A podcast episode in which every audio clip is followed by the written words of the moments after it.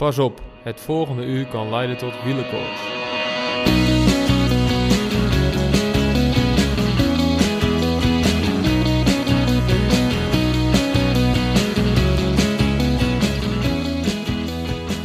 Er wordt waar ook ter wereld bijna altijd wel ergens een wielerwedstrijd gereden. Of het nu een juniorenkoers is, een beloftekoers of een World Tour koers. Strijd is er altijd.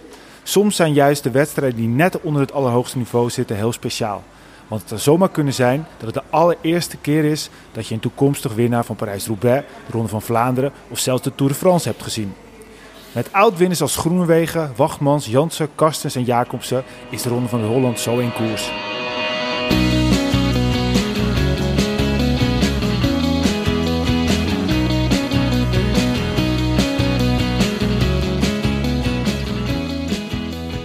Dames en heren, jongens en meisjes, welkom bij de podcast over wielrennen Arrière de la Course. Het komende uur gaat over wielrennen, besproken vanuit het oogpunt van twee wielergekken die alles volgen vanaf de bank, dicht voor de tv. Alleen vandaag zitten we niet voor de tv, maar zijn we live aanwezig in de koers. En we doen dat met uh, flinke luxe, want we zitten namelijk in een VIP-wagen bij de finish van de proloog van de Ronde van Noord-Holland. Vandaag aflevering 23 uh, en special in de koers. Ik ben Michiel Beems en naast mij zit hij weer uh, Wilke Kenter. Ja, mooi hè? Wat een mooi plekje hebben we. Hè? Dit is toch wel mooi hè? Voor de ja. mensen die denken, wat een herrie op de achtergrond. Ja, dat, dat is eventjes niet anders. Kijk, uh, we zitten hier in, in, uh, in een glazen kroeg, om het zo maar eventjes te zeggen. En uh, daar hebben wij een mooi tafeltje waar we de podcast opnemen. Ja. Dus je hoort inderdaad ook wel wat mensen op de achtergrond en je hoort wat geroezemoes. Maar ja, dat is gewoon niet anders. En dat, uh, dat kan ook niet anders, omdat we gewoon hier die podcast opnemen. Ik heb helemaal een beetje het gevoel als we, alsof we Mart Smeet zijn. Zo, uh, nou ja, ja, Zo'n avondetappengevoel, tafeltje, publiek eromheen. Ja, ik heb Mart Smeet eens minder zien zitten. Ik bedoel, wij zitten echt heel goed, want buiten is het, het is nu droog. Maar het waait heel hard en hier staat de kachel aan en de flessen wijn staan inmiddels al op tafel. Um, dus het wordt volgens mij wel gezellig. En, en ja. Beemster Kaas is uh, de grote hoofdsponsor. Dus uh, de stukjes kaas staan op tafel met andere lekkernijen. Ja. Ik heb er wel eens uh, slechter bij gezeten. Ja, en we zitten ook echt, echt recht voor de finishlijn. Hè? Dus ja. dat is ook mooi om straks alle renners één op één binnen te zien komen. Dus we hebben een prachtig mooi plekje. Ik denk dat de finishlijn misschien vier meter van ons vandaan is. Niet eens. Ja, meer zal het niet zijn. Nee, nee. dus nee. Dat, is, dat is echt, echt fantastisch. Um, ja, nou ja, kijk, uh, Peter is er helaas niet bij. Die is zich aan het voorbereiden voor de Ronde van Hongarije. Die uh, gaat volgens mij zondag uh, vliegen, aankomende zondag. Ja. En nou, het is op zich wel een redelijk mooie koers. Hij gaf aan dat, dat Delco Marseille daar rijdt en Israel Cycle Academy, Covidus. Dus ja, dat is wel een mooie koers. Mooi veld. Ja. ja. en hij gaf aan dat, dat er zit best wel wat klimwerk in, maar het is wel gemiddeld 3, 4 procent. Dus dat moet hem goed liggen. Ja. Dus ja, de tweede wedstrijd bij zijn nieuwe team ik ben wel benieuwd hoe die, hoe die, hoe die het gaat doen. Ja, ik ook. We weten in ieder geval dat hij heel hard getraind heeft. Dus uh, hij is in ieder geval in topvorm. Ja, nee, dat sowieso. Dat sowieso. We houden het in de gaten. Het zou mooi zijn als hij uh, een Tour de Mercinetje weer kan doen. Nou, dat zal wel een beetje te veel van het goede zijn. Het zou wel gaaf zijn, maar uh, we moeten misschien niet te hoge verwachtingen hebben. Nee, Eerst maar eens knallen gewoon daar en genieten van de koers. Ja, dat sowieso niet. We moeten niet te hoge verwachtingen hebben. Maar we hopen het natuurlijk wel een beetje, want we gunnen het hem. En het zou wel een mooie binnenkomen zijn, als hij meteen zijn tweede koers bij... Ja, dat zou ook een mooie toevoeging zijn in onze prijskracht, prijzenkast hè, bij Arrière. Ja, ja, ja. ja, ja. Ja ik heb, tweede beker hè, die er dan in komt staan. Ja, ik, was, uh, ik heb natuurlijk uh, sinds die podcast bij Salomo heb ik, uh, heb ik die fiets helemaal gewerkt in ADL koers kleuren. En tot mijn verbazing stond daar de beker ook van Peter. Dus hij heeft een mooi plekje gekregen. Hij heeft hij hem daar neergezet? Ja, toen oh, gaaf. Ja, ja, Dus in onze prijzenkast mag je nog niet staan. We moeten nog iets meer status opbouwen dus. Ja, ja. Bij, bij Peter hè, bedoel ik. Ja, ja, ja, precies, precies, precies. Nou, zoals we al, uh, al net in de beginstukken zijn, zijn we vandaag live bij de Ronde van het Holland. Uh, sommige mensen vinden dat wij best wel vaak over het Noord-Hollandse wedstrijd, uh, de Noord-Hollandse wedstrijden praten. Ja. Nou, daar hebben ze denk ik ook wel een punt. Alleen, uh, ja, kijk, uh, we kregen deze uitnodiging om hier aanwezig te zijn. Het is de oudste wielerklassieker van Nederland. Ja. En die konden we natuurlijk niet laten lopen. Nee, maar dit is niet echt een regionale koers natuurlijk. Hè. Dit is gewoon een profronde wat gewoon over heel Nederland gaat. Er doen ploegen over heel Nederland, doen hier gewoon aan mee. Dus het is niet echt landelijk. Het is gewoon een, uh, een hele mooie wedstrijd. Waar we ja, en, en, en, dit jaar is het uh, dan topcompetitie. Uh, vorig jaar was het nog een, een, stapje hoger. Toen werd, werd Julius van den Berg won daar. Die is daar natuurlijk daarna meteen naar EF Education First gegaan. En die... Ja, de renners zijn nu net ja, gestart mooi, trouwens. Hè? Ik dus, zag hem in de verte aankomen. Ja, dus even, even tussendoor. De tussendoor. eerste renner is net binnengekomen. We zitten echt fantastisch mooi. Ja, en ze hebben het windje in de rug. Ze gaan echt uh, knijterhard. Dus uh, Echt ja, we hard, zitten hier echt, echt heel goed. Nu gaan er net een paar mensen voor staan. Maar ja, goed, we kunnen het even goed wel zien. Het is een mooie glazen, glazen hok waar we in zitten. Maar eh, ja, vorig jaar werd er gewonnen door eh, Julius van den Berg. Nu prof bij EF Education First. Ja. Het jaar daarvoor was het Fabio Jacobsen die met de winst vandoor ging. Ehm, dus ja, het is niet zomaar een koers. En eh, ja, we wilden het wel even aangeven. Want ik vind dat mensen ook wel een punt hebben. We hebben vaak wat regionale dingen. Maar dit Ja. is toch echt wel een, koers met landelijke, landelijke allure. Ja. De oudste wielerklassieker van Nederland. Ja, en het is misschien ook heel belangrijk om het onder aandacht te brengen. Want het is een, echt een hele mooie koers. Inderdaad wel in Noord-Holland, maar het is echt een hele mooie koers. En het zou zonde zijn als deze koers weg zou vallen. Ja. Het, het, hoort gewoon bij Nederland, deze koers. Nee, dat is sowieso waar. En eh, ik zei het al een beetje in het beginverhaaltje van... eh, eh, ja, dit soort koersen, daar vind je de sterren van de toekomst. Groenewegen heeft hij gewonnen. Nou, die Ja. gaat natuurlijk straks stralen in de, in de Tour de France. Ehm, ja, en een tal van andere, andere renners. Ehm, ik zag ook dat op de lijst Kai Reus eh, nog, nog stond. Dat, waarom natuurlijk ja. laatst was hij, hadden we het over zijn comeback op onze socials. Maar die heeft ook een keer in gewonnen. Voor mij in 2006 uit zijn hoofd. Dus eh, ja, dat, eh, dat is gewoon een mooi lijstje. En eh, nou, we gaan er later in de podcast nog even over praten met de voorzitter Ja. van de Ronde van het Holland. En de voorzitter is, ehm, even kijken, moet ik wel even goed zijn naam zeggen, dat is Koos Venema. En we gaan het met de koersdirecteur, eh, gaan we met de koersdirecteur praten, Gert Kemper. En dat is ook wel een man met een mooi verleden, want die is vroeger altijd, nou ik denk dat het soigneur is bij de Rabank geweest. Is ook met de Nederlandse selectie vaak op pad geweest. Ik wil eigenlijk ook wel even wat mooie verhalen van hem horen. Dus ik, eh, ik ben wel benieuwd. Eh, hij is eh, een paar jaar is hij daarmee gestopt. Hij is volgens mij nu ambulancebroeder. Maar hij, is, hij duikt hierop als koersdirecteur. Volgens mij Dus, eh, heeft hij een heel boek vol met mooie verhalen. Want Ja. volgens mij komen de mooie verhalen altijd bij de masseuse. En, Ja, precies. Aan tafel, ja. Aan tafel terecht. Dus, ja, nou, ik ben echt benieuwd hoe, eh, hoe, eh, hoe hij dit vindt en hoe hij hier beland is. En eh, ik, ik, we proberen hem wat mooie verhalen ook te ontfutselen. Ja. Dat is later in de podcast. Ja. Ehm, we gaan eventjes natuurlijk het nieuws, dus de, de, de, de, ja, de, het nieuws van de laatste week. Eigenlijk het allergrootste nieuws is, waar wij heel blij mee zijn, is dat er Van der Poel het WK gaat rijden. Dat is, laten we beginnen. Het is uiteraard jammer dat hij het WK mountainbike niet gaat rijden. Want we hebben de laatste week echt genoten van wat hij natuurlijk op de mountainbike heeft eh, laten zien. Hij heeft daar prestaties neergezet, denk ik, waar alle andere mountainbikers misschien niet eens verwacht hadden dat hij het nu al zou doen. En toch doet hij dat al. Nou ja, kom op zeg. Dat, dat parcours in Yorkshire, dat is echt op zijn lijf geschreven.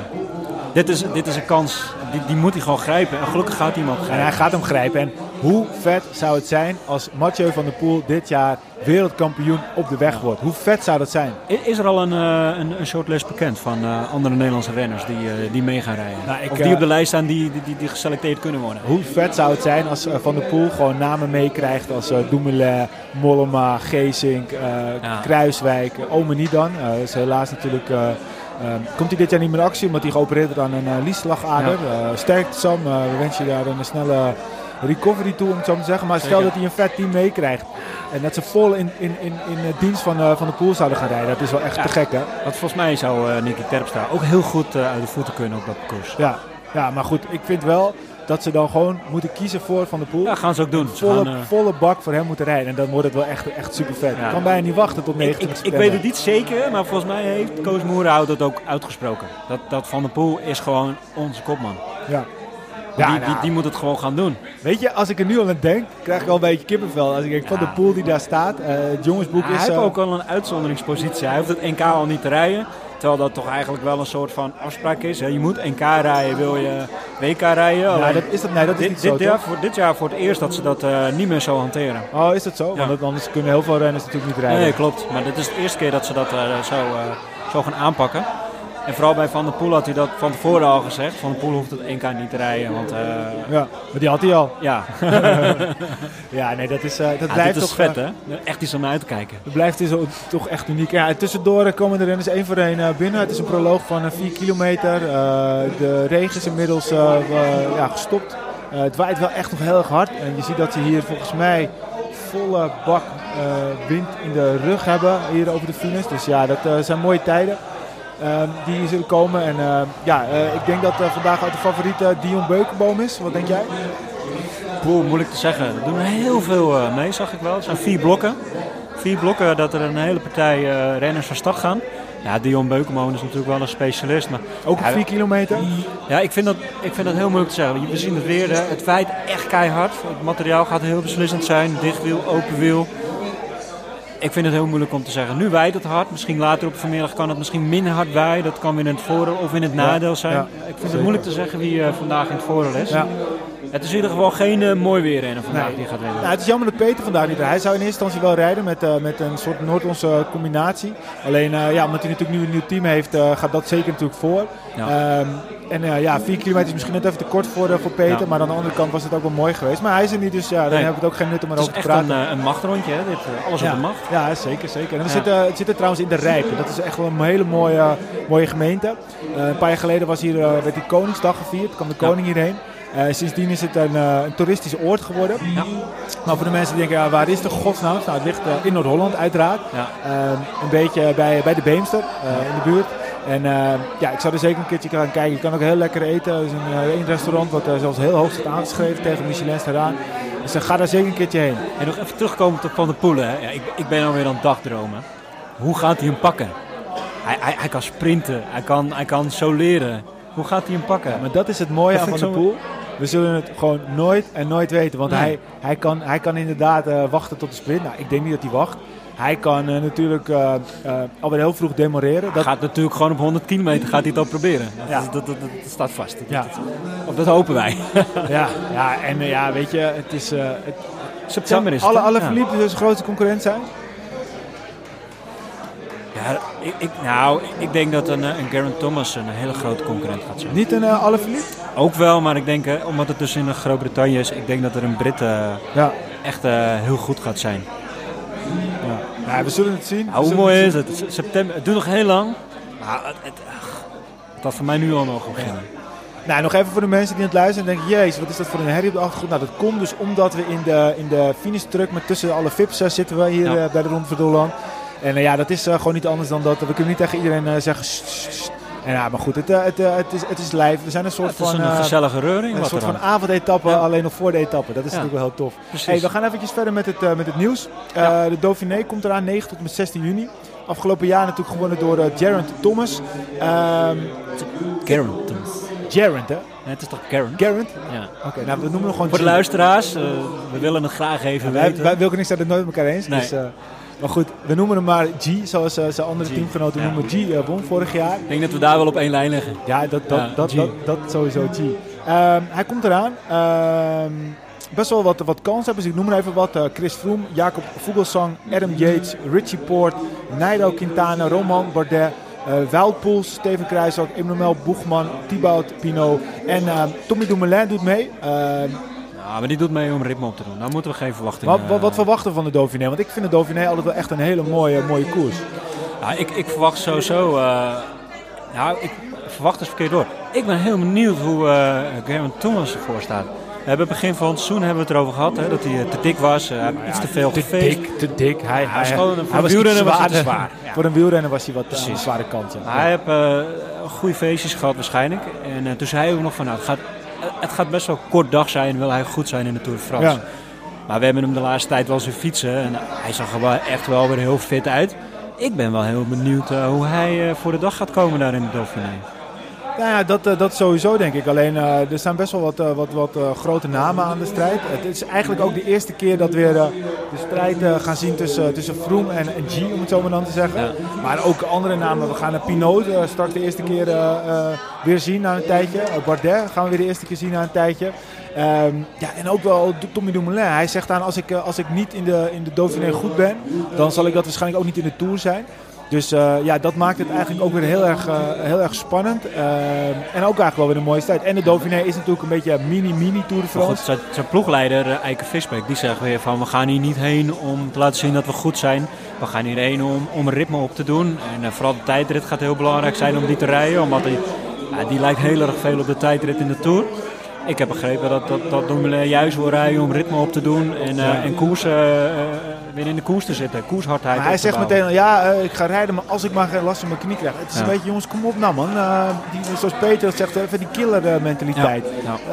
Dat spreek je gewoon uit. en Of je het- bent goed of je bent niet goed. Maar dat, dat indekken, dat hoeft toch niet altijd, weet je wel. Kijk, we weten Gus wel dat als hij eh, uiteindelijk de Tour niet kan rijden, dat, dat het komt door zijn knie. Maar, maar weet je, kom op jongens. eh, Iets meer vertrouwen. iets meer vertrouwen. Beetje, probeer een beetje, een beetje, een beetje dat uit te stralen. En dat is, dat is toch wel Maar ik heb, je ik heb voor uh. Dumoulin in ieder geval geen verwachtingen voor deze, voor deze Dauphiné. Nee, nee, zeker niet. Maar aan de andere kant, Wout Poels staat, noemde ik net even op. Maar ja, ik denk dat als, als je G en, en eh, Chris, eh, Chris Froome hebt, dan, eh, ja, dan is hij gewoon niks anders dan een Knecht. Dan een knecht. Ja. Kruiswijk aan de andere kant, ben ik wel heel benieuwd naar. Ik ook. Ik hoop niet dat hij al te goed is, want dan krijgen we een beetje het uh, Roglic-syndroom. Nou ja, ik, dat, dat verwacht ik niet. Maar ik ben wel heel benieuwd hoe hij, hoe hij er nu voor staat ten opzichte van al die andere toppers. Of het niet weer net niet dat podium is. Dat het weer vier of vijf is. Maar gewoon eens een keertje echt gewoon op secondes. Ja, maar dan gewoon zou hij dat in de. Dauphiné niet al zo ver moeten zijn. Want als hij dat nu... Kijk, dan krijg je echt een beetje het Roglic-syndroom. Ja, maar als die nu andere al goed ook doen? Ja, nee, maar dat, dat ben ik wel met je eens. Dat is, dat is zeker waar. Alleen, als nu Kruiswijk in één keer zou winnen... dan zou hij dus nu al beter zijn dan de rest. Snap je wat ik bedoel? Ja, niet als het secondeswerk is natuurlijk. Dan, dan, Nee, dan je wel redelijk gelijk. En, en dan, heb je gewoon, eh, dan zit je op de goede weg. Dat is wel waar. Dat- staat, hij wordt nu al op een halve minuut gereden door een Froome. Terwijl die bijvoorbeeld tweede wordt. Ik noem even wat. Ja, dat is natuurlijk niet goed voor je zelfvertrouwen. En dan, ja, dan heb je echt nog een lange weg te gaan. Nee, daar ben ik echt eh, ben ik, eh, dit keer helemaal met je eens. Dus dat is ook weer nieuw. We zullen het zien. In ieder geval negen- heel mooi, heel mooi parcours. Hè? Zeven dagen, Ja, tijdrit, twee mooie bergetappes. Ja, het, blijft altijd een mooie we moeten het afwachten. 9 tot en met 16 juni en eh, we zullen er uiteraard eh, terugkomen. Ja. Ehm, iets anders wat eh, deze week opviel. Pieter Wening, hij wint weer een etappe hè? Nou, moeten we niet inmiddels zeggen Pieter Alejandro eh Valverde? Of is het eh, Ja. Ja, of, of eh, 38 jaar toch? Alejandro Wening. Ja, ja ik bedoel, eh, volgens mij is hij al bijna 50, maar hij blijft maar doorgaan. En, en heb je hem gezien, die, hij was voor het peloton eh, uiteraard weg. Het was een fantastische overwinning. Maar hij reed ook nog een redelijke hoge cadans. Normaal is het altijd harken, harken, harken, harken, harken. Op zijn eh, Wenings inderdaad. Ja, het, het is gewoon, weet je, wat, weet je wat het is bij Pieter Wening? Zo'n man, als je die in je ploeg hebt, je weet gewoon dat je ieder jaar een overwinning pakt. En het maakt niet uit waar en het maakt niet uit hoe. Hij pakt gewoon een overwinning. En, en, en hoe het eruit ziet, maakt niet Hij pakt gewoon altijd een overwinning. En ook nu weer, gewoon overtuigend. Net voor het peloton uit. Het, het straalt gewoon, hij straalt gewoon killer uit. Ja, nee, dat, dat- ben ik helemaal met je eens. En eh, het is gewoon weer mooi dat hij voor Roompot, die natuurlijk niet heel veel wint, eh, dat hij daar gewoon weer een etappe Ja. van pakt. En het is, eh, Peter zei voor mij dat de ronde van Lux met horse categorie ook zelfs is. Dus dat is een van de hogere categorieën na dus de World Tour. En eh, ja, dat is natuurlijk gewoon heel goed. En eh, het, het is ook eh, natuurlijk mooi voor ze. En ik vind het ook wel mooi, weet je. Elk jaar pakt hij wat. Tuurlijk. Vorig jaar pakte hij hem toen in de ronde van de Kroatië nog wat, als ik het tot mijn hoofd zeg. Ja. Die ging nu niet door en dan staat hij in Luxemburg. Ja. Ja, geweldig. prachtige overwinning. Geweldig. Hey, Top seizoen nu alweer voor hem. Hè? voor hem wel, ja. Kijk, als je elk jaar een overwinning pakt, is dat altijd mooi. Ja, vooral op zijn leeftijd. Vooral de jaren gaan nu voor hem tellen. Dus ieder jaar dat hij zo'n mooie overwinning pakt, ja, dat is gewoon pure bonus. Ja. Dan het laatste in het, in het nieuwsgedeelte. Eh, de transfercarousel is al flink op gang. Eh, ik noem eventjes wat, eh, wat geruchten. Dat werd gefluisterd, dat is nog niet bevestigd allemaal nog. Eh, Nibali naar Trek. Eh, Landa naar Bahrein. Eh, die neemt Bilbao van Astana en Rogas van Movistar mee. Eh, Quintana eh, naar Arkea Samsic. eh, voor een eh, bizar bedrag. Ik heb 2,5 miljoen gehoord. Nou, dat lijkt me wat veel, maar het wordt, genoemd. Carapaz blijft toch bij Movistar. Die zit Ja. nu op 150.000 euro aan salaris en die zou naar een miljoen gaan. Eh Vogelsang naar Movistar. Ook, eh, ook, eh, wordt ook gefluisterd. Vond ik wel heel verrassend. mooie geruchten allemaal. Ma Mas naar Movistar. eh Cataneo naar Astana. Sakharin naar CCC. En Bargil, Bargil moet weg bij Arkea Samsic. Fik zou ik wel opvallend vinden ergens, omdat het een Fransman is. Maar wat valt jou het meest op? Uh, Vogelsang valt mij op. Bilbao valt mij op. Waarom? Ja, Astana die, die draait. Ze winnen. En het is een team. En die gasten worden daar, eh, ik denk, goed gewaardeerd. Omdat maar het je- is ook ze mogen aanvallen, ze mogen winnen. Iedereen mag winnen. het meest viel mij op dan. Dat Landa wil hem meenemen naar, eh, naar, Ja. eh, naar eh, eh, Bahrein. Ja. Maar dit jaar waren ze, was hij natuurlijk een van de, ja, zijn tegenstanders bij de Giro bijvoorbeeld. En dan dat- hij hem toch wil meenemen. En Rogas verbaast me ook wel redelijk. Verbaast me ook wel. mij is Rogas, eh, net zoals Valverde, ook inmiddels al bijna 61. Maar Nibali verbaast mij ergens ook wel. Nou ja, Segafredo Segafredo is... Bahrein is toch wel een klein beetje Italiaans Ja, maar weet je wat het is? Eh, er zit best wel een grote kern Italianen bij, bij Trek Ja. Segafredo is natuurlijk een Italiaans Precies. koffiemerk. Eh, ze hebben daar Sicone, ze hebben Dat daar eh, nog een aantal andere Italianen. En eh, ja, ze, ze- Segafredo wil waarschijnlijk gewoon een Italiaans uithangbord. Ja. Eh, Poort, En, en je haalt er wel echt een fantastische knecht binnen voor Mollema. ja, van Mollema. ja, we hebben natuurlijk ook Poort eh, bij Trek nog, die eh, dus, dus de kopman in de Tour zal zijn. Alleen Die zal, Poort- die zal druk hebben nu. Ja, als, maar als hij niet presteert hij- in de Tour de France, dan, dan denk ik dat Poort wel een probleem heeft. Ja, maar hij is natuurlijk elk jaar nog, eh, toevallig de laatste jaar precies in dezelfde etappe gevallen. Voor mij was het etappe 7 of 8 of zo. Altijd in de eerste week ergens. Ehm, Dus ja, dat, die heeft, heeft wel druk. Maar aan de andere kant, ja, weet je, het kan altijd beter dan de laatste twee jaren. En, en, en anders kan het in ieder geval net zo slecht. Dus ja. dat, dat hou je wel. Ehm, En Nibali, ja, je kan veel van Nibali zeggen, maar hij is wel eh, altijd in een jaar een keertje goed. Dan is hij echt heel goed. Of hij wint, of hij rijdt podium in een grote ronde. Maar hij pakt altijd zijn ereplaatsen mee. ja. Ja, dat heeft Poort toch iets minder in de, in de echte wedstrijden, zeg maar. In Ja. de kleine wedstrijden staat hij wel. Met een echt grote wedstrijden, ja, dan heeft hij toch altijd weer net die pech. ja, nee, maar, dat- ja, maar dat- ja, misschien niet. En dat heeft Eh, Nibali niet, weet je. nee, nu maar ook goed. weer. Giro staat hij tweede. Ik zal me niks verbazen hij het najaar ook gewoon weer ergens nog Ja, maar het lijkt me de als Nibali komt, dan is Nibali kopman. Tuurlijk. Maar goed, aan de andere kant, als Nibali weer de Giro rijdt, dan is het natuurlijk nog steeds de Tour in het gewis en de Vuelta. Eh, misschien gaat Mollema wel eens een keer voor de Vuelta weer. Daar, heeft hij zijn beste resultaat ooit gehaald. Of hij gaat stoppen als kopman. En hij gaat gewoon lekker voor die overwinningen. voor mooie dag, Hij, hij heeft uitgesproken dat hij, dat hij in één jaar drie grote rondes wil rijden. En daarnaast heeft hij ook eh, uitgesproken dat hij de Ronde van Vlaanderen gaat rijden. Ehm, ja, nou ja, goed. eh, hij heeft natuurlijk sowieso de Klassica San Ja. Mollema natuurlijk al een keer gewonnen. Het zijn hè, Mollema podium in Vlaanderen. Ja, samen met Valverde Samen met Valverde en met Pieter Wening. en Pieter Wening. Ja, nou, dat zou het zijn, ja. Nou, dan eet ik een, een la Koers petje op. Ja, dat, dat is een deal. Dat doen we, dat doen we. Dus eh, Pieter, je moet sowieso nog een jaar door, jongen. Ja. Trainen. Ja, precies, aan precies. de gang. Moet Hup, hup. Een beetje zout erbij, is een petje best wel lekker. Juist. Hey, ehm, volgens mij was dat wel het nieuws. Is jou nog iets opgevallen de laatste periode? Heb je Remco Evenepoel nog gezien? Ja, Remco even, maar daar komen we later op de, Ja, komen we op de later op podcast zeker nog op terug. Want eh, Remco die, eh, die, eh, heeft het goed gedaan. En we hebben hem een fles uh, koerspret beloofd, onze Ja. eigen wielenbier. Ja. Hij heeft nog niet gereageerd. Dus als iemand Remco kent, als iemand Remco zijn buurman is of als iemand hem op Ibiza vaak ziet, geef ons even een seintje. Dan geven we jou die fles, want we willen Remco graag de eerste fles koerspret aanbieden. Precies. Ja. ja, dat is mooi hè. Hij is toch onze vriend van de show. Zo, dat is hij zeker. Ja. Nou, dan gaan we nu eh, verder met eh, de Ronde van het Holland. Inmiddels eh, komen er nog steeds renners voorbij die de 4 kilometer lange tijd dit uh, slash proloog hebben afgelegd. Zo, dat weer heen. Het is inmiddels ook echt weer hondenweer geworden. Dus de eerste 10, 15 renners, misschien iets meer, die hebben allemaal prachtig weer gehad.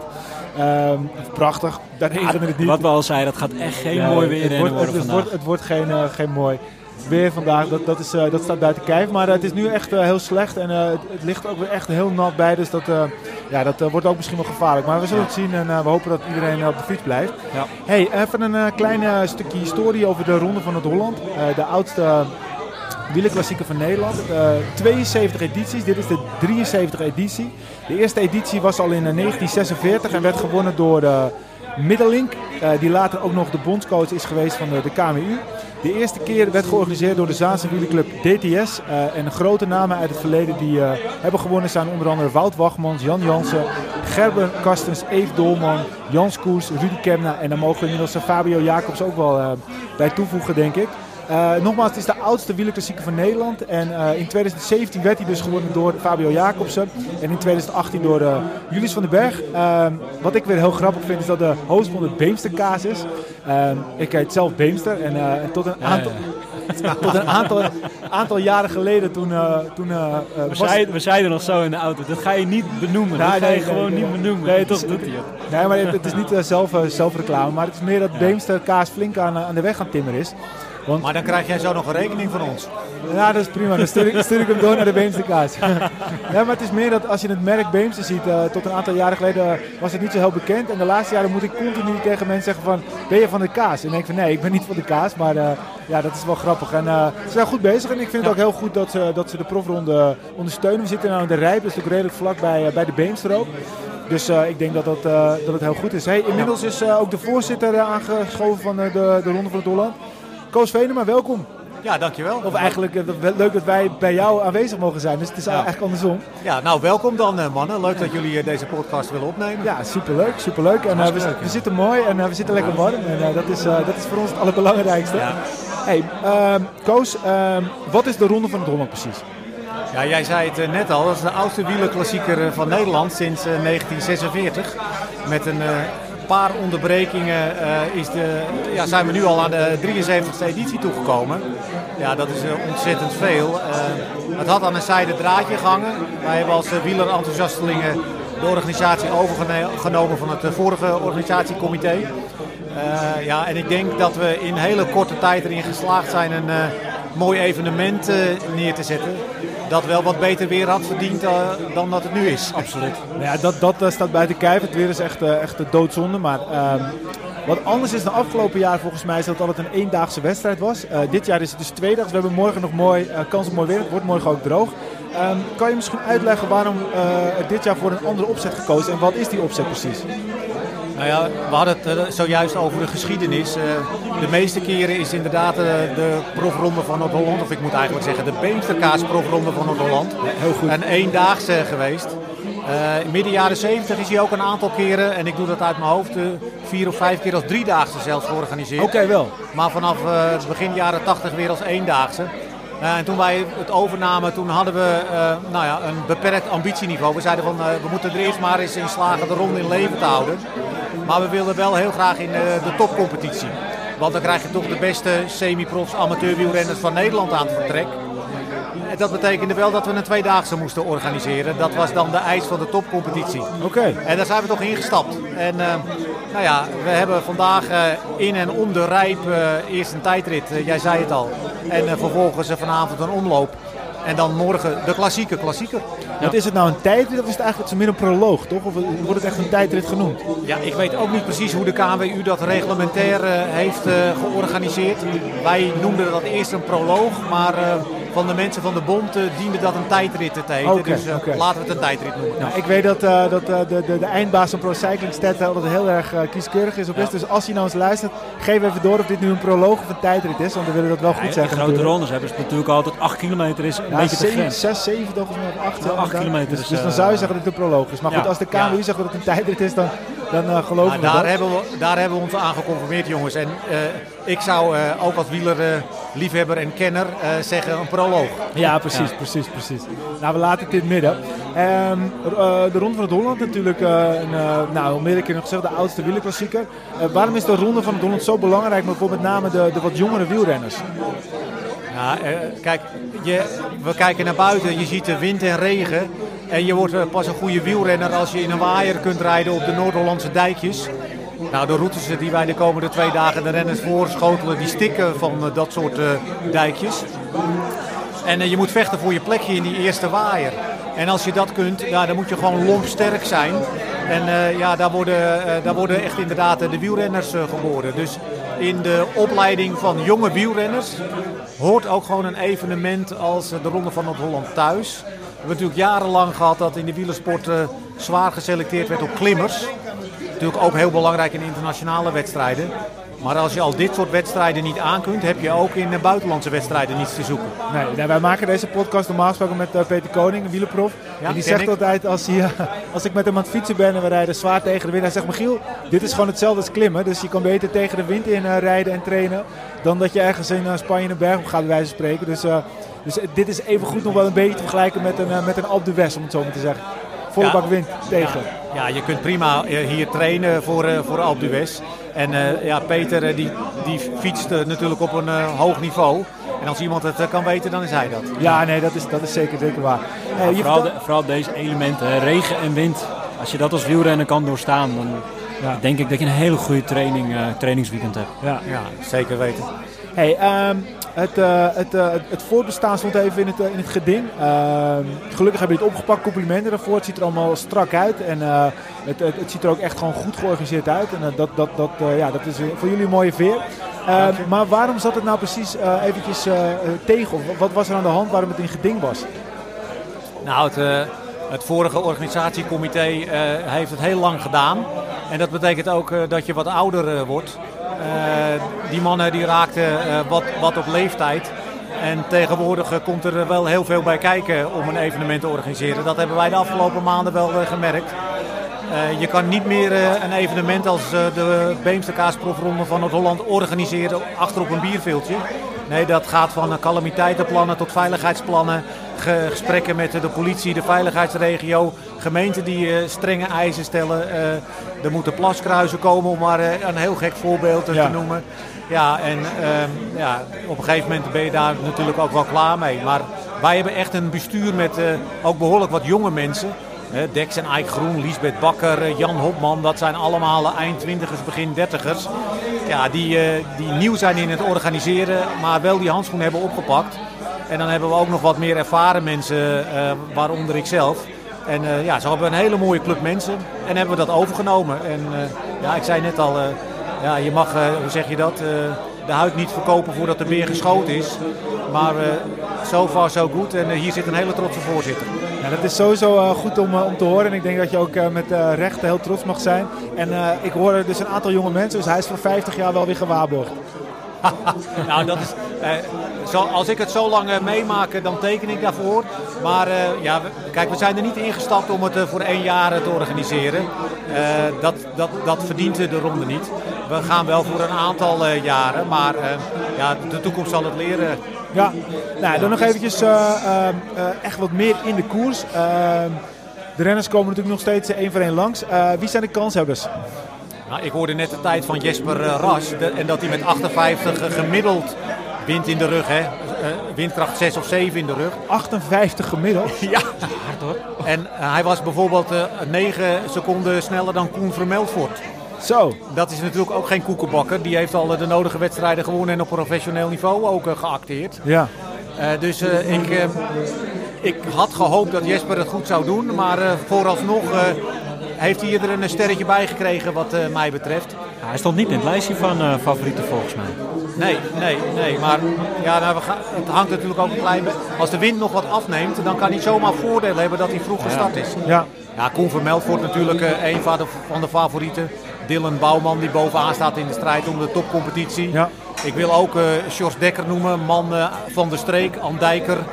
Hij woont op- weliswaar geloof ik nu in Groningen, maar leider eh, eh, als beste eh, clubrenner in, eh, in de topcompetitie. Ja. ja, zo noem ik zo een aantal eh, renners uit de losse poos op waarvan ik zeg, nou die gaan we zeker nog terugzien. en vandaag Dion Beukenboom. Is die nog een kanshebber in deze tijdritsersproloog? Ja, terecht dat je, die, dat je die naam noemt. Ja, dat is denk ik de grote favoriet voor de tijdrit sowieso. En Voor het eerste gedeelte, ja. ja, ja, precies. En ja, weet je, die kan natuurlijk ook uitstekend uit de voeten op de Noord-Hollandse dijken. Dus ja, die heeft eh, heel veel sterren achter zijn naam. Nou, Koos, eh, tot zover hartstikke bedankt. We spreken straks ook nog even met eh, de koersdirecteur. Is er nog iets wat je sowieso eventjes kwijt wilde over de ronde, wat we niet hebben besproken? Nou, ik zou bijna zeggen, maar we zijn niet live, maar kom, vooral, kom vooral kijken. Eh, en dan geldt dat voor volgend jaar. Zeker, zeker. Ja, misschien kunnen we wel, als, als vandaag de podcast eh, zeg maar online komt. Ik weet niet of er een livestream is eh, voor, voor de koers van morgen. Op Twitter waarschijnlijk een Ja, live wel, blog eh, ergens. live blog. De koers is natuurlijk te volgen via de topcompetitie eh, Live eh, tracker. eh, live ticker. Dus kijk daar vooral eh, naar. En eh, kom, ook, eh, kom ook naar de koers. Vanavond eh, starten we om kwart voor zeven en dan is het droog. Yes. Laten Nou, we hopen. Dank jullie wel. Nou, en eh, inmiddels is ook eh, Gerard Kemper, de koersdirecteur, aangeschoven. Welkom in de podcast, eh, Gerard. Ja, dankjewel. Wat leuk. Hey, ehm, dat lijkt me nou echt een super toffe job om koersdirecteur te zijn van een, eh van een wielevenement. Hoe, hoe, hoe word je dat? Eh, hoe, beland je daar een beetje in? Hoe kun je me dat uitleggen? Ja, hoe word je dat? Dat is, eh, dat is een beetje, eigenlijk is het een beetje moeilijk uit te leggen. Je wordt uitgenodigd door, het, door het bestuur om, word je gepolst of je misschien interesse hebt om koersdirecteur te worden. En eh, ja, dit is een, eh, een erebaan eigenlijk. Zo moet je het, eh, zo moet je het zien. En, ja, dat kon ik moeilijk weigeren. Ik, was, ik ben ondertussen vier jaar uit het wielrennen weg, zeg maar. Ik heb vroeger een actieve carrière gehad als wielrenner. Daarna ben ik als verzorger, heb ik een tiental jaar ben ik bezig, ben ik als verzorger bij verschillende profploegen zeg maar, heb ik gewerkt. En ik was nu vier jaar als ambulancechauffeur bezig. Ik was helemaal uit het wielrennen en eh, toen kreeg ik een telefoontje van Leo eh, op een gegeven moment, Leo van. Hij zegt, ja, zou je geïnteresseerd zijn om eh, in de ronde van Noord-Holland koersdirecteur te zijn? Ik denk, nou ja, ik denk, wat houdt dat in? Ik ga het eens eventjes een beetje allemaal opzoeken. En ja, nou, uiteindelijk, ja, zei ook, dus dat is echt een, een, een erebaan en we willen, we willen een, een oud-amateur, een, een goede renner hebben. Ik zeg, nou, ik zeg, dat klinkt allemaal goed. Dus, uh, en zodoende ben ik erin gerold eigenlijk. Uh, en heb ik daar ja, bevestigd op geantwoord uh, dat ik dat wel graag wilde.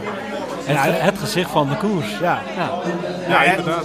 Echt, echt te gek. Um, voor de mensen die dat natuurlijk niet weten, dat niet. Maar we hebben jou wel eens eerder gevraagd om, uh, of je bij ons in de podcast wilde komen. Toen kwam het eventjes nog niet helemaal uit. Want uh, je zegt het een beetje vluchtig. Je bent een oud coureur en je hebt in het wielrennen gewerkt. Maar eigenlijk heb je best wel een hele grote rol gehad in, in, in de koers. Kan je misschien even uitleggen uh, waar je zelf hebt gereden en waar, waar bij welke ploegen je hebt, hebt, hebt gewerkt uiteindelijk. En wat dus je rol daarin was? Nou, als, uh, ik ben in de jeugd ben ik begonnen en uh, daar ging het al vrij snel ging het heel erg goed. En vanaf de nieuwelingen ja, won ik eigenlijk heel veel. kwam ik in de juniorenselectie terecht bij Piet Kuijs toen de tijd. en ben ik doorgestroomd naar AMF, dat was de nationale wielerselectie toen de tijd. ondertussen was ik ook bij Dextro, bij Dextro dat was mijn club zeg maar. Dus ik reed zowel voor nationale selectie als voor, als ik daar niet voor ingezet heb, kon ik voor, voor Leo, voor Dextro rijden. En ja, dat ging eigenlijk goed. Een knieblessure heeft roet in het eten gegooid. Daardoor ben ik eigenlijk geen beroepsrenner geworden. Ik heb wel, uh, wel veel gewonnen als amateur. Ronde van Trent, de Baronie, grote klassiekers. Uh, vijf ritten in de Olympias Tour. Uh, ja, eigenlijk elke rittenkoers waar ik in het buitenland kwam, won ik wel een rit. Want ik was, ja, ik was snel. En ja, en op een gegeven moment uh, in 98 heb ik nog een uh, rit in de Olympias Tour in de ronde van, of, uh, in de Olympias Tour in Zalbommel gewonnen. En daarna ben ik eigenlijk gestopt, gelijk. Ja, dat, dat is wel een hele mooie erelijst. Eigenlijk best wel zonde inderdaad dat je dan geen prof hebt mogen worden. Ja, met, met mijn erelijst, als je, ik moest hem natuurlijk even inleveren bij Leo nog. Ja. We hebben nog even samen gezeten, want ik wist het zelf ook niet allemaal meer wat ik gewonnen had. En uh, dan kwamen we op een paar dat dingen. Dat is ook een luxe, hè? dat je gewoon niet meer weet wat je allemaal gewonnen hebt. Ja, de, de mooie dingen die weet je nog wel. En een heleboel dingen die, die komen ook weer terug. Uh, mooie rit in, in Luxemburg gewonnen. Koninginrit in de Ronde van België gewonnen. Dat komt dan allemaal weer bovendrijven. Was ik eigenlijk allemaal weer een beetje vergeten. Dan moet je echt de plakboek ingaan. En dat, ja, dat, ja, dat, dat doe je af en toe eens met je kinderen. Heb ik dat een hele tijd geleden gedaan. Dus zodoende kwam, ik weer, uh, kwam, kwam dat weer een beetje bovendrijven. En als je dan naar die erenlijst kijkt, ja, dan zou je nu uh, zo uh, bij elke profploeg kunnen tekenen eigenlijk. Precies. En is, het dan, is het dan puur niet doorgegaan omdat je last had van je, van je knie of een blessure gaf je aan? Daar, daardoor kon je niet verder koersen? Ja, ik, heb, ik, ik won een rit in de Postgiro in Zweden. En daar gingen toen de tijd gingen alle sprinters in uh, voorbereiding op het uh, Nederlands kampioenschap en in de Tour. Die gingen daarheen. En de renners, die, de klimmers die naar de Tour gingen, die gingen naar Dauphiné, waar ze nu ook zitten. En rond deze tijd had je dan ook inderdaad dus de Postgiro voor de sprinters. En daar, daar was Raas was daar, PDM was daar. alle, alle, alle ploegen met hun sprinters waren daar. En de laatste rit ja, legde niks er allemaal op. Dus toen waren ze natuurlijk wel geïnteresseerd in mij als 19-jarig jochie. Ja. En uh, Leo die, uh, die heeft toen, uh, of Piet Kuijs die heeft me toen ontraden om op dat moment te tekenen. Hij zegt, je bent nog jong en ik wil je nog twee jaar erbij houden en dan naar de Spelen in Barcelona. En dan, daarna kun je tekenen waar je wil. Nou ja, dat is toen even anders gelopen. Ik heb het jaar erop een knieblessure gekregen, heeft een jaar geduurd. Nou, voordat je dan weer een beetje op niveau bent, dan, ja, dan ben je weer, weer één of twee jaar verder.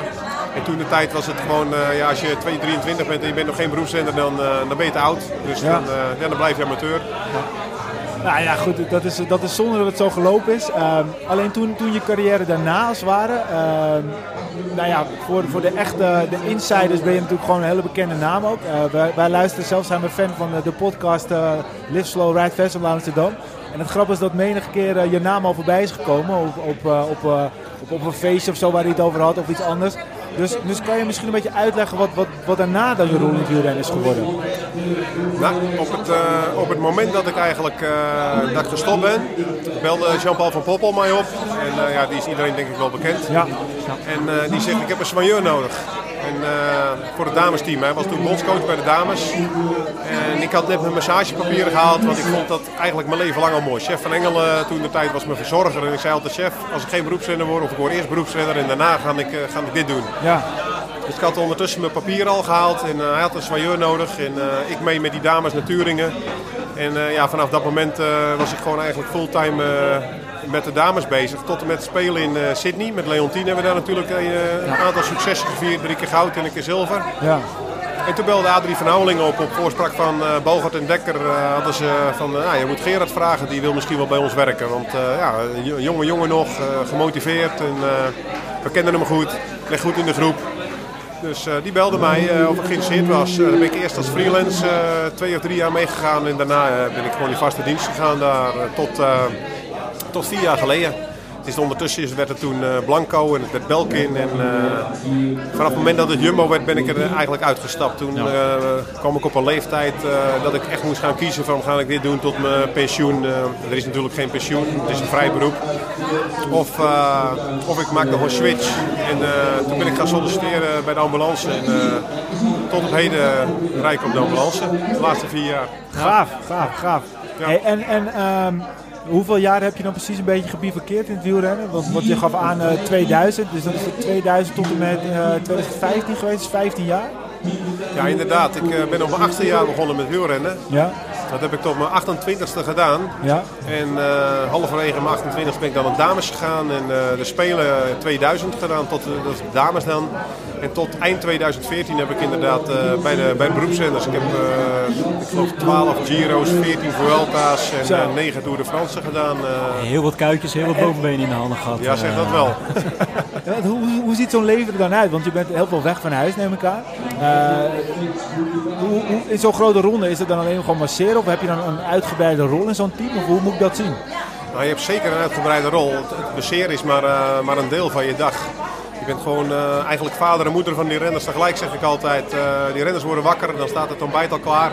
Hebben wij al klaargezet. De laatste, laatste jaren hebben ze kok, kok mee dan. Maar goed, die moeten wij ook helpen dan. Die is vaak alleen. En ja, die renners die gaan dan eten. Ondertussen gaan wij lunchpakketten maken voor, de, voor, voor, voor het personeel in de auto. Uh, bidonnen maken, uh, broodjes maken voor de renners van onderweg, bevoorradingszakken, van alles en nog wat.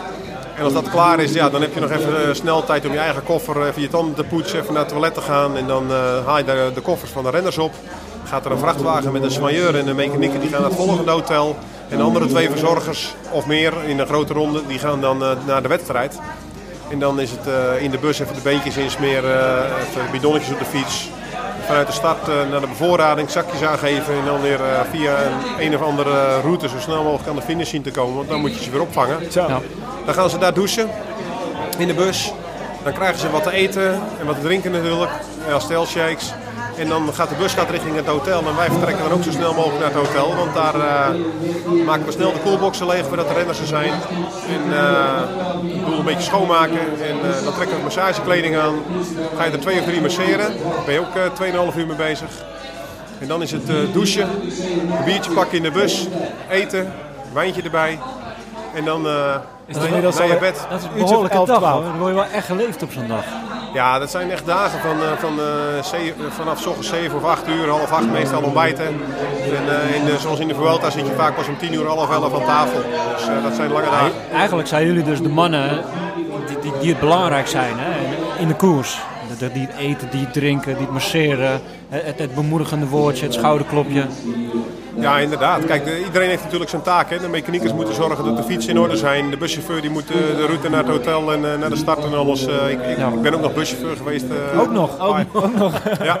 Even, even ertussendoor, hè? Je, je bent een soort van Zwitser zakmes? Of, nou ja, ik, op een gegeven moment toen, toen heb ik mijn vrachtwagenrijbewijs gehaald. Dat was wel handig, want we hadden in het begin kleine van die IV-cootjes, maar later werden dat grote Volvo's. En, en later DAF.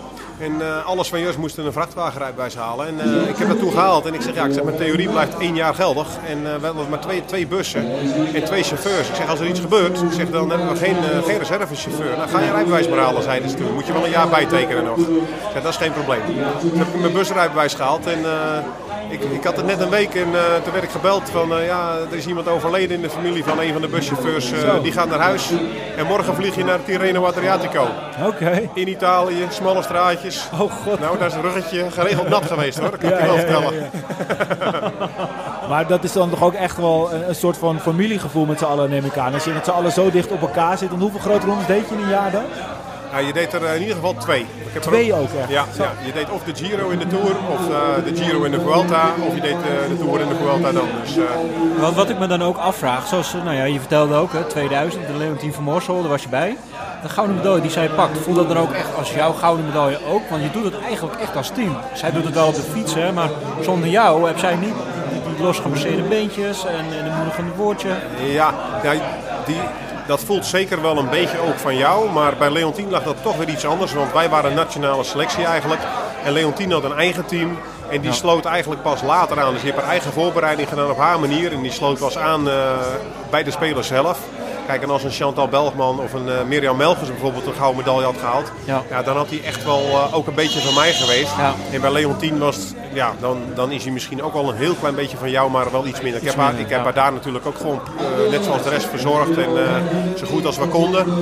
Maar zij heeft de voorbereiding en alles eigenlijk buiten ons omgedaan. Dus dan is hij eh, iets minder als kijk met, met die andere meiden van de ploeg zelf, zeg maar. We zaten in januari al in Afrika op trainingskamp. En in mei zaten we in St. Moritz. En later nog weer op Sierra Nevada drie weken. Ja. Kijk, en dan ben je er zo dicht en zo nauw bij betrokken dat het echt wel jouw medaille ook een klein beetje is. Maar bij Leontien, ja, die heeft de hele voorbereiding eh, zelf gedaan en die sloot eh, daaraan. Kijk, en eh, ja, dat is gewoon één van je team natuurlijk. Maar eh, ja, je hebt dan minder, minder voor dat kunnen betekenen als dat je misschien zou willen. Ja. Ja. Eigenlijk een hele mooie job, hè? Zo dicht met de renners. eh, Ja, maar ik het heb, mogen ik heb ook veel respect ervoor. En ik denk dat het wel ook zwaar is. Ik bedoel, als je al gaat kijken, dus twee, twee grote rondes. Dus dat is al minimaal, eh, laten we zeggen, 50 dagen per jaar alleen al aan grote rondes. Dan heb je natuurlijk alle andere, alle, alle andere koersen. Hoeveel dagen per jaar was je weg ongeveer, denk je, van huis? Ja, tussen de 170 en de 190 dagen waren we zo'n beetje weg. Ja. Ja, ik heb daar heel veel respect voor. Want het is toch altijd wel het beeld van lekker werken in de koers. Maar ik bedoel, het lijkt me ook dat als de renners zagrijnig zijn, dat, dat, dat jij het als eerste opvangt. Je bent, je bent de vader en de moeder, om het zo maar te zeggen. Ja, maar dat is ook het mooie. Hè? Kijk, mensen kijken thuis voor de buis en eh, ze genieten van de koers. En na de rand eh, hoor je niemand, je hoort echt niemand praten over alles wat daaromheen gebeurt. Dus of je hebt het goed gedaan als renner, of je hebt het verkeerd gedaan als renner. Maar je hoort niet waarom het goed is gegaan, waarom het slecht is gegaan. Ja, Nee, dit- maar dit ik moet wel zeggen, dus- heel mooi aan. Dat is, Maar dat Ten Dam al een paar keer Gerard zijn naam noemt in, in een podcast, dat is iets kleins. Daar spreekt wel heel veel waardering uit. En ik denk dat, dat dat ook wel heel goed voelt om dat nog steeds zo te horen van die renners. Dat ze daar zo blij mee zijn geweest en dat ze dat zo gewaardeerd hebben. Ja, absoluut. Kijk, Lau, eh, je krijgt op een gegeven moment een band met, een bepaalde, met bepaalde renners. En eh, in, in, de tour, in de Tour had ik eigenlijk altijd Bouw en hè, werden ze genoemd. Ja, en, ja, ja. eh, ik had Bouke en, eh, en Laurens had ik op de tafel leggen. Deden het allebei heel erg goed, eh, ook, eh, ook eh, samen met mij. Ja, dan voelt het ook een beetje eh, als van jou. En eh, ja, natuurlijk hadden wij ook wel eens een beetje ruzie met elkaar. eh, dat hoort er ook bij. Want ja, je, eh, je, moet, je, je, moet wel je mannetje staan ook natuurlijk. Hè, anders eh, word je een soort eh, slaaf van ze. Ja, ja, ja. ja. Dus, eh, dus, dus er vielen ook wel eens woorden natuurlijk. Eh, dan was dit niet goed, dan was dat niet goed. Op een gegeven moment zeg ik, als je nou eens even lekker zelf gaat doen, dan eh, is het allemaal, allemaal in orde, toch? En dan, eh, dan zag je wel weer dat, eh, dan zetten we eventjes uh, Andreas, zo'n kleine jongen. Hij was toen net vader geworden en dan, Oh, dan kwamen de traantjes vanzelf. Ja, ja, ja, ja. We zaten er gewoon even door en dan ja, moest even op een plaats gezet worden soms. En dan, dan was het weer goed ook. Het was gewoon daarna weer prima. Waarschijnlijk was dat moraal ook weer goed dan. Dat ze even dachten, oké, het is ook gewoon zo. En het zijn de kleine dingen waar het om draait. En ik zit ook wel een beetje te zanik hier, eh, omdat ik gewoon moe ben. Ja. En, en, en is het nu zo, je doet nu vier jaar iets anders, maar mis je het heel erg? Nou, ik ben eh laatst, eh, vorig jaar eh, was ik voor het eerst in, in Valkenburg op het WK Cross. En toen kwam ik Raymond Kerkhoffs tegen van de Telegraaf. Hij zegt, eh, hij zegt, zien we jou helemaal niet meer dan? Je bent zo uit wielrennen gestapt, we hebben je nooit meer gezien. Ja. Ik zeg, ja, ik zeg, dat is toevallig zo. Ik zeg, ik zou naar, U- naar Utrecht komen, naar de start toe. Maar toen was het zo verschrikkelijk heet. Ik zeg, eh, Ja. daar ga ik niet naartoe, dan kies ik toch het strand. Ik heb het allemaal zo vaak gezien. ja, dat was heet. Ja, stond er dus, zelf ook. eh, Ja, ja, het is heel heet, ja. dus zodoende ben ik eigenlijk nooit meer. Ik, ik ging ook eigenlijk nergens meer kijken. Ik had het druk met mijn eigen opleiding eh, als, als chauffeur. En eh, ja, ondertussen ben ik werkbegeleider. Ik ben instructeur geworden nou. En, eh, ja, dan, dan ben je zo druk met, je, met jezelf. En ook weer een gezin, eh, nog weer eh, een, een tweede leg zeg maar. eh, nog weer twee dochters erbij. Ja. Want ja, ook, eh, ook het, eh, gezinsleven hakte natuurlijk Ja, in nee, dat met dat ik. werk. Snap ik. En eh, ja, ja, dus zodoende, ja, zo loopt dan gewoon je leven eigenlijk. Ja. Nou, en dan toch weer een beetje terug in het wiel, want we even de koppeling naar de Ronde van het Holland. Uh, we zitten hier dan natuurlijk uh, aan de finish. Uh, je bent koersdirecteur. Ik denk dat dat ook echt een stuk waardering is die je zeker verdient. En dat vind ik ook echt super tof. Wat verwacht je zelf van het weekend? Nou, als ik zo naar de wind kijk, dan verwacht ik vanavond toch wel een, een, klein, een, een, een klein tot heel groot slagveld. ja, ja. Uh, het is nu al, je, ik heb een paar keer gevolgd nou in de tijdrit. Ik heb er een paar bekeken. Het is best lastig om de fiets in bedwang te houden. Dus uh, ja. je moet uh, best stevig in je schoenen staan. Vanavond gaat het een slagveld worden met deze wind. En, en morgen dan is het even afwachten. Het zou, zou wind, windstil worden. Of nou ja, windstil is natuurlijk nooit in Noord-Holland. Iets, iets, minder veel wind. Ja. ja. voorspellingen zijn wel goed toch? Ja, en het, het zou droog blijven. Nou, dat is al heel erg fijn, zowel voor de, voor de renners als voor de toeschouwers natuurlijk. En, uh, want ja, we, de renners rijden ook een beetje voor de toeschouwers. Zo moeten we natuurlijk ook zien. Ja, zeker. En uh, ja, ik verwacht morgen gewoon ook een, gewoon een mooie koers. Als er wat minder wind is, is het wat minder hectisch allemaal. Ik hoop vanavond dat het allemaal een beetje heel blijft. Uh, dat er niet te veel valpartijen zijn. Het gaat natuurlijk heel stressvol zijn vanuit het vertrek al. ja, zal, er, zal er echt gekoerst gaan worden. Met alle risico's van dien. De een neemt meer risico's dan de ander. En morgen heb je meer kansen dat het even wat rustiger begint allemaal. En dat de koers zichzelf gaat, gaat lezen, zeg maar. Ja. ja. Nou, in ieder geval hartstikke bedankt dat je even de tijd uh, heeft, hebt genomen om ons uh, wat meer te vertellen. Ik, uh, ik, ik, ben ook benieuwd naar heel veel mooie verhalen uit het verleden. Misschien kan je één, één klein verhaal vertellen. Waar je denkt, nou dat vinden de mensen zeker leuk om te horen. Of, of is dat er niet echt? Ja, ik heb natuurlijk heel veel verhalen. Maar, uh... sowieso dus nog een keer uitnodigen voor de podcast. Ja, dat, gaan we sowieso, sowieso krijgen. Maar kan je er één, één klein verhaal zeggen? Nou, dat is wel zo grappig wat ik heb meegemaakt. Of, of is, dat, is dat nu een te moeilijke vraag? Nou ja, als we Laurens de Dam hebben, ik had het straks over. Je hebt ook wel eens even ruzie met elkaar. Laurens, uh, die, uh, het was rustdag. En uh, ik had met Laurens afgesproken om, om twee uur masseren bijvoorbeeld. En ik lag nog lekker in het zwembad. En om kwart voor twee ging ik zo een beetje die kant op. En ik kleed mij gerustig om en uh, ja, komt hij... Uh, om tien over twee was hij nog niet, dus ik ging hem eens een keer zoeken. Ik zeg, uh, waar zit je nou, weet je wel? Ik zeg, je zou er om twee uur komen. Hij zegt, ja, je was er niet. Weet je wel, hij was boos en verontwaardigd. Ik zeg, hoezo was er niet? Ik zeg, ik was om kwart voor twee al. Ja, je lag in het zwembad. Ik zeg, nee, dat was om kwart voor twee. Ik zeg, maar om tien voor twee was ik al op mijn kamer. Nou, ik ben aan de deur geweest en ik zeg, maar aan welke kant dan? Ik zeg, maar mijn deur staat hele, hele, de hele dag al open. Ja, en uh, dat is niet waar. En ik zeg, nou ga liggen. Ik zeg, en anders dan donder hij maar weer op. en toen ging hij liggen en toen begon ik te vertellen van, ja, en ik, uh, Tess, mijn vrouw, die was aan het zoeken en uh, die, kon, die kon het niet vinden. Dus toen moest ik vanochtend een auto pakken van jullie om, om hem op te halen. Stond ze ergens daar en daar. Dus er was van alles misgegaan bij hem. En hij had natuurlijk toch die druk, want hij stond goed in het klassement. En hij bleef maar klagen op die tafel. Op een gegeven moment zeg ik, ja Lau, eraf, wegwezen. Morgen, morgen mag je weer terugkomen. Ik heb hier helemaal geen zin in, wegwezen. En dan zegt hij in één keer, uh, ja sorry, sorry. Hij zegt, zal ik even, even André Hazes zetten anders? Nou, de kleine jongen, nou ja, zijn kleine jongen was, was aangekomen met zijn vrouwen. Dus nou ja, toen was het even, even traantjes en uh, even bijeenrapen, weer lekker masseren en uh, alles was weer goed. Ja, dat, is, uh, dat, vond, dat vond ik wel een mooi moment. Het zijn ja. van, die, van die mooie dingen. Nou, je bent in ieder geval van harte welkom om nog eens een keer uitgebreid, zonder gerumeur op de achtergrond, je verhaal te vertellen. Dat gaan we zeker nog een keer proberen te doen.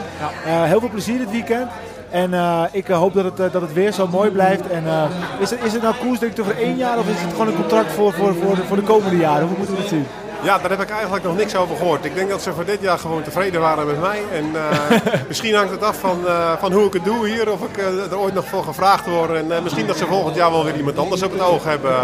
we gaan het zien en we maken het mee. We gaan eerst lekker genieten van dit weekend. Zeker. En, en dan zien we wel weer verder. Dankjewel. Graag gedaan. Ja.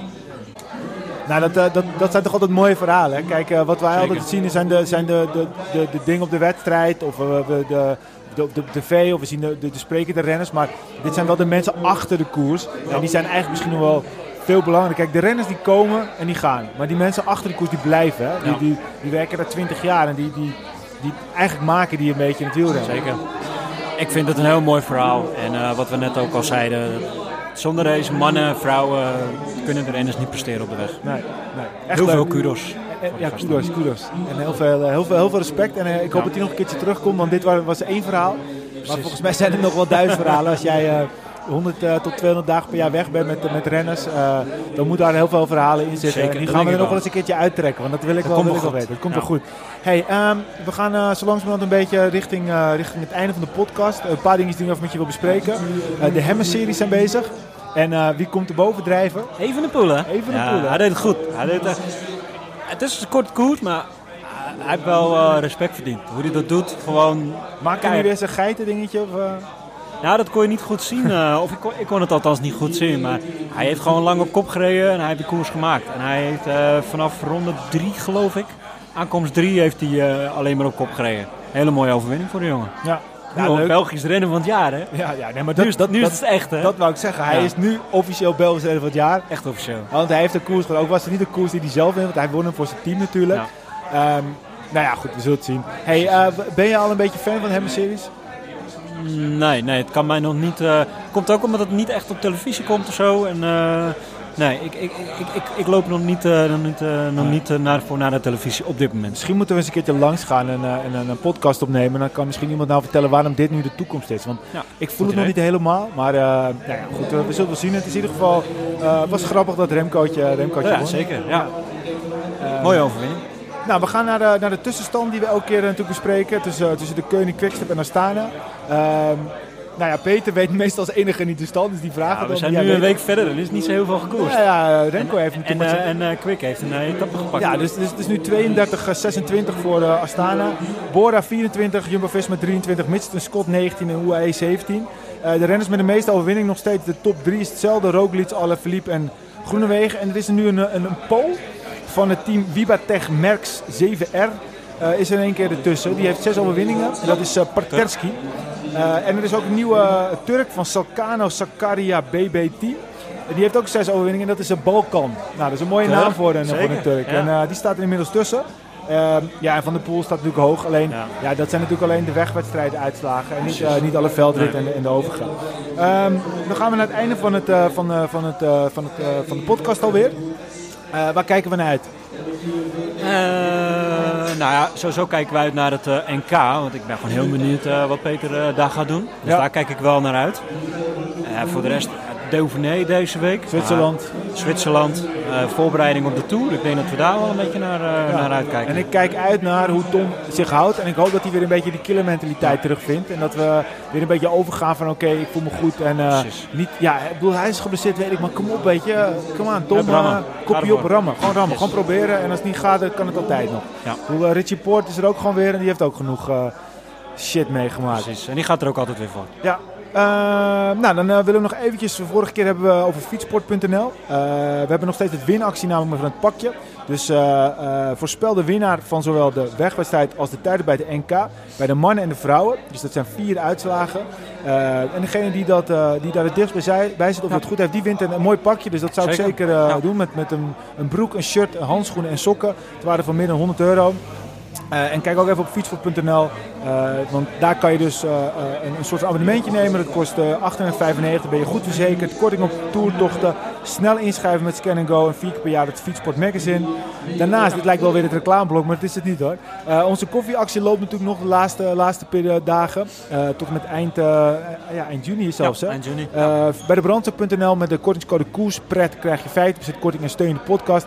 En je kan nog steeds ons, ons bier bestellen. Koerspret op koerspret.nl. En eh, nou, inmiddels eh, hebben we alles eh, rond en is het ready to go. Dus de pre-order is er nog steeds. Maar we kunnen ook deze week het eerste keer verzenden. En Ja.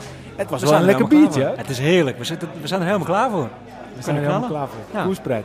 Hey, Koerspret. Wilco, laatste woord voor jou? Ja, koerspret. Altijd Alweer, koerspret. koerspret. Hoeveel- Altijd. oh, Iedereen koerspret. die luistert, mannen, koerspret.